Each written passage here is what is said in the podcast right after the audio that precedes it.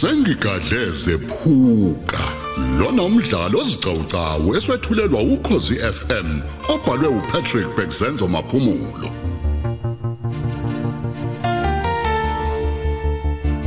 Thamela isiqephu seshumi nesishiyagalolunye.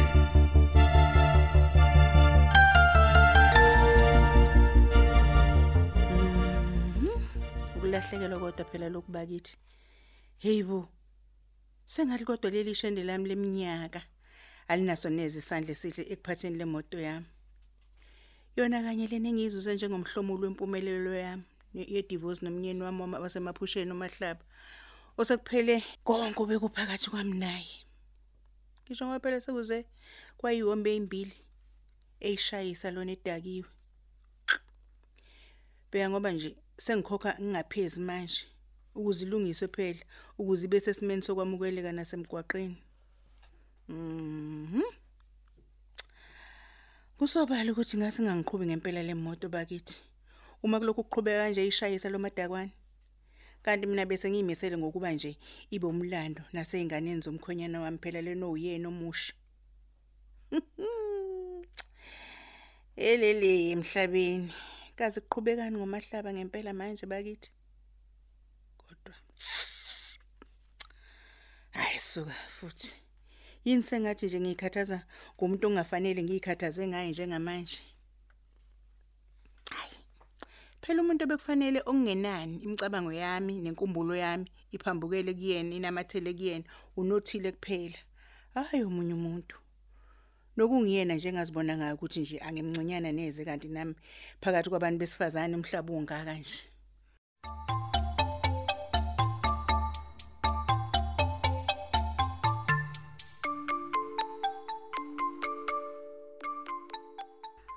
Khona ngempela anginalo ulwazi olujulile kangako.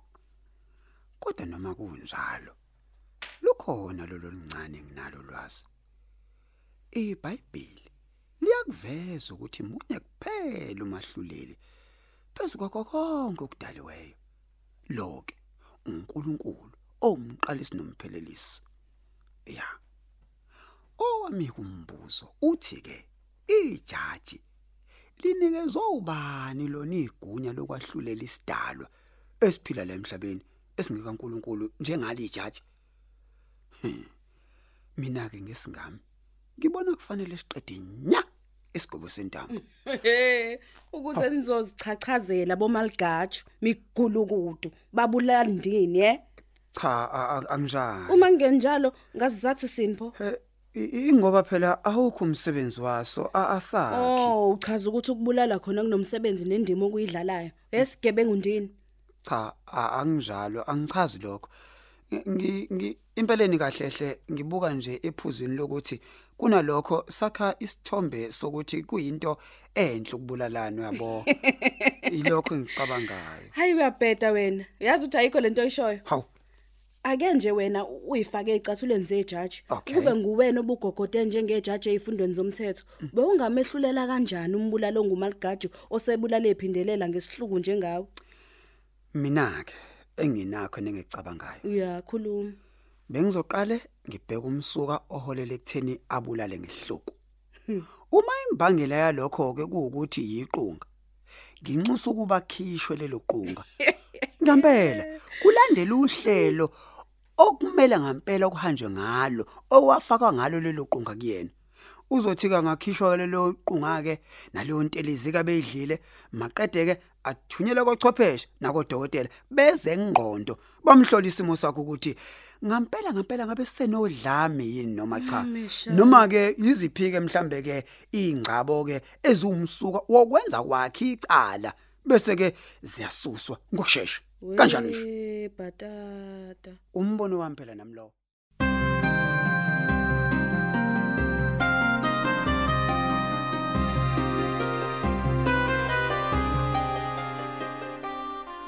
Ayi ngeke. Kuyabheda manje mngani wami. Izo njengoba ngikutshela. Kubhede embhedeni inkosi impela. Angikwazi mina ukufana naloko. Selo ngazalwa. Ungathi siflathelwe idlozi inkosi impela. Hayi noma kunjalo mfethu kodwa ke asingalilahli nezi ithemba mfana kithi. Kanti mfethu singamadela kuphela okwenzayo ngempela. uma ngabe mfethu usohlehlela emuva khona manje ke ngalesikhathi ingani phela iboss yethu mfethu uthiza ukukhombise kahle mfethu ukuthi kumele umuntu abe yidela kuphela lokuqina ingakho ke phela usezwa walingana intambo nasentanyeni mfethu yini ngisole sengathi mfethu wena usuyikhohlile mfethu incazelo yam- yamadela kuphila Hey, kube kungifanele futhi ukuba ngikhohle mfana kithi. Yabona ikhanda lami liyaduma manje. Angizazi kwamina ukuthi kufanele ngenze njani. Yabona izinto zimilibhojozi manje. hayi mfethu ngiyakuzwa mhlambe bese udinga ukuthi ngikukhumbuze nje ngoba ngiyabona ukudideka la kuwena hayi kuningi kakhulu mfethu Hayi. Ake uze nazo umzongiswa. mfethu phela kuba idela kuphela mfethu kusho ukuthi udela impilo yakho uyinikele ekufeni mfethu lokho usukwenzela ukuthi egcineni uzuzwe lokho okufisa inhliziyo yakho ngisho ngabe ke mfethu usufica ukufa ungasakuzuzanga nalapho isuke ifezekile imigomo nezinhloso zokuba idela kuphela bakho yazwa mfethu Hey, angisayiboni kahle lento mina mngani wami. Kuba ukukhohlisana. Uthi kusekhona nje kuba yidela kuphila uma izinto sezimi kanje. Hayi ngeke. Ngiyayihosha imfe mina. Ngihlehle kwangempela futhi angisahlabeli neze phambili. Iyashisa lensimbi mzungafi. Hayi ngeke ngiyaliphosa ithahula. hayi mfethu sikhotha mfethu Ngeke. usukhohliwe yini mfethu ukuthi isisho kumbi isiqubulo sethu samadela kuphela sithini kanti futhi sichazana uma sithi indlovu kayihlehli kepha iyaphambili Hayi ngeke. hayi hayi sikhotha mfethu hayibo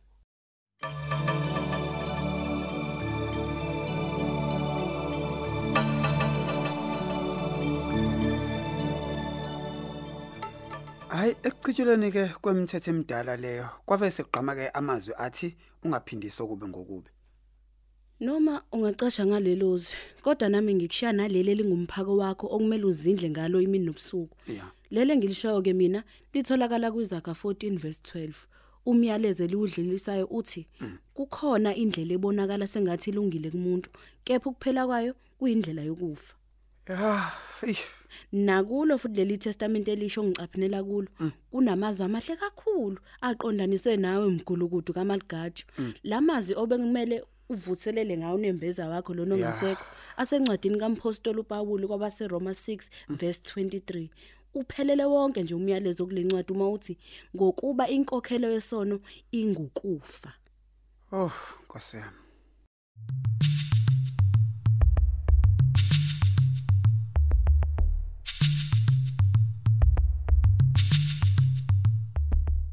Hayi baba hayi ngeke. Abanye abantu banamawala bo. Hayi bo nkosikazi usukhuluma ngamawala nje usho ngani mngami? Ngisho phela ngoba ngizokuthiwa laba bakhongi bendodakazi abezomgqibelo bathume kuye kanye umseshi lo velele Mankomonde likuphi iphutha lapho? Amawala amaphila lawo okhuluma ngawo wasuwababaza kangaka njena Hayi bo. Hayi. Sekuphi isimanga la nkosikazi? Hm? Ngokwakho ukubona nje nkosikazi, umseshi lona uzobenza isenzo esiqala ngqa yini ngaye. Eh? baba ngibabaza wona lawo mawala alelo lobola sezolikhipha khona amaduze nje hayi bo baba ekubeni ngapheli ngisho isikhathi singakanani njalo ebhutshela umuzi wakhe awucabangi nje baba ukuthi usaphundlekile lo muntu wabantu ngenxa yesihlukaniso somshade esimqothula inkobe Nicabanga kakhulu nkosikazi, nicabanga kakhulu. Phezu kwalokho ke nje baba usanda kuhambisa ingane yakhe euniversity njengalokho ikhunguzi eziphakeme isanda kuvulwa. Kwamoto njalo le yahamba ngayo asanda kuyithenga. Kuyangicacela futhi mina ukuthi kulala ngadliwe inkosi impela. Ngayo nje iyodwa le moto iyabiza phela baba. Nkosikazi yeka le ndaba.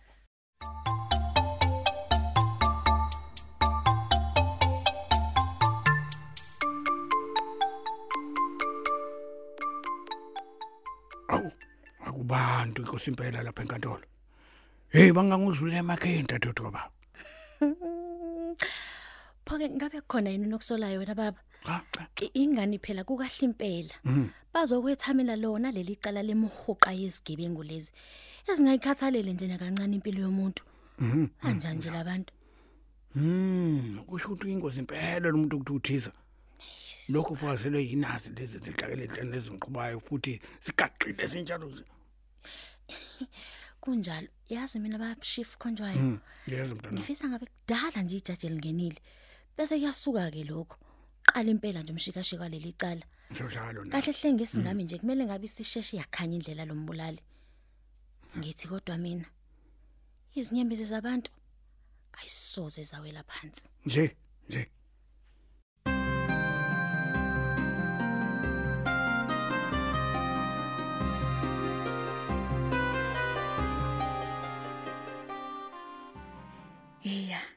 Ngithi thokola Themba mathunza ayewukela.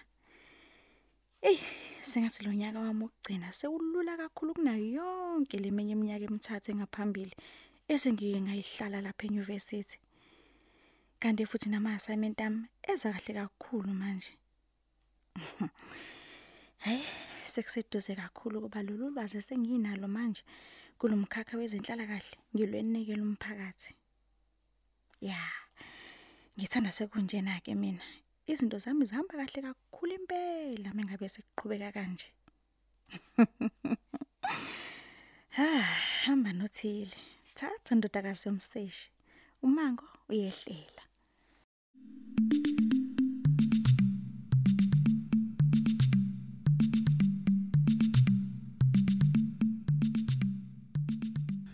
Hayi naze nanonya nani bomseshi nalabo ufakazi benibambisene nabecaleni.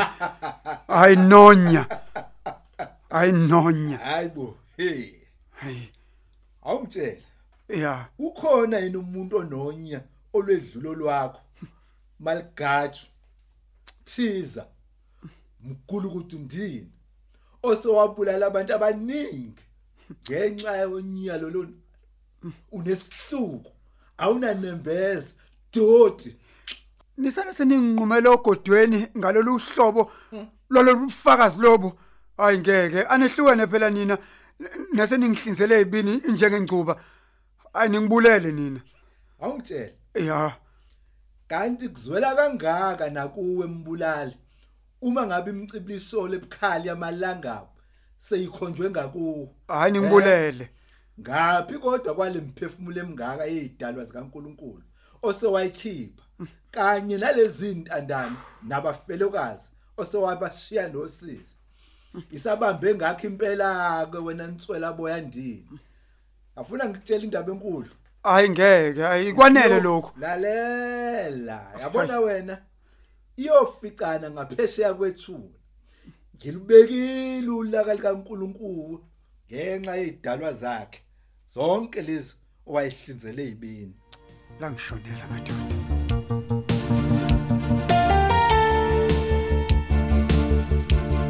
Asubambe lapho ke umdlalo wethu womoya osihloko sithi sengigadle zephuka. Olethelwa ukhozi FM